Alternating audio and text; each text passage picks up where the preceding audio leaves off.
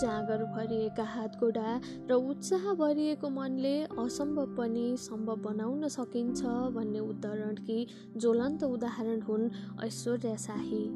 बाह्र वर्षको नादान उमेरमा घरको सम्पूर्ण जिम्मा लिएकी उनी भानुका सुनौला किरणहरूले सुप्रभात टक्राउनु अघि नै उठ्छिन्। जब अधिकांश मानिसहरू मिठो निद्रा निधाइरहेका हुन्छन् तब उनी साँझ बिहानको खाना जोहो गर्ने सपना बोकेर तिनकुने स्थित तरकारी बजारमा पुग्छिन् त्यहाँ राखिएका तरकारी पसलहरू सफा गरिदिन्छन् र इनाम स्वरूप पाएका तरकारीहरू लिएर मानिसहरूको घर दैलो चहार्छिन्। त्यसरी दैनिक साठीदेखि एक सय दस रुपियाँ कमाउने उनले रोजगारीको क्रममा बुबाको हात भाँचिएपछि यसरी नै काम गर्न लागेकी हुन्।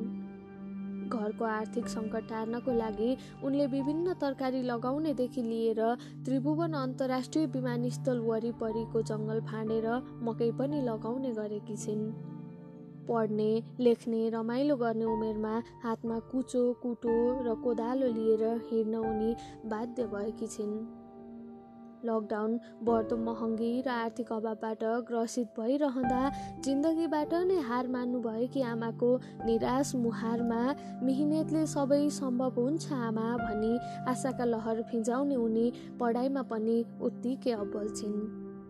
सुकुम्बासी क्षेत्रमा बसोबास गरिरहेकी उनलाई जब सहपाठीहरूले तेरो त घर पनि छैन साइकल पनि छैन भनेर गिज्जाउँछन् तब आफूले कमाएको पैसा जम्मा गरेर साइकल किन्ने र धेरै पढेर ठुलो मान्छे बनेर घर बनाउने भन्छन्।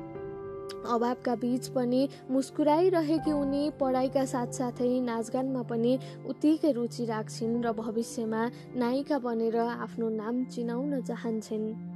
धैर्यता साहस लगनशीलता र मिहिनेतकी प्रतिमूर्ति उनी हाल काठमाडौँ सिनामङ्गल स्थित सेभ अ चाइल्ड्स फ्युचर नामक संस्थाले सञ्चालन गरेको व्यावहारिक शिक्षाका कक्षाहरू लिइरहेकी छिन्। Paper cutting origami doodling painting dancing जस्ता विविध कार्यक्रमहरू सञ्चालनमा ल्याई यस संस्थाले सडकमा बस्न बाध्य बालबालिकादेखि लिएर बाल मजदुरी गरिरहेका केही बालबालिकाहरूलाई बाल्यकालका खुसीहरू दिइरहेको छ। सञ्चालिका बताउनुहुन्छ ऐश्वर्या त्यहाँ पनि निकै लगनशील भएर अध्ययन गरिरहेकी छिन्। हिलोमा कमल फुले जस्तै विभिन्न बाधाहरू बीच मुस्कुराइरहेकी ऐश्वर्याबाट हामीले जीवनमा आउने उतार चढावलाई सकारात्मक सोच धैर्यता र मिहिनेतले सामना गर्नुपर्छ भन्ने प्रेरणा पाउन सकिन्छ। ऐश्वर्या एक प्रमुख पात्र मात्रै हुन्।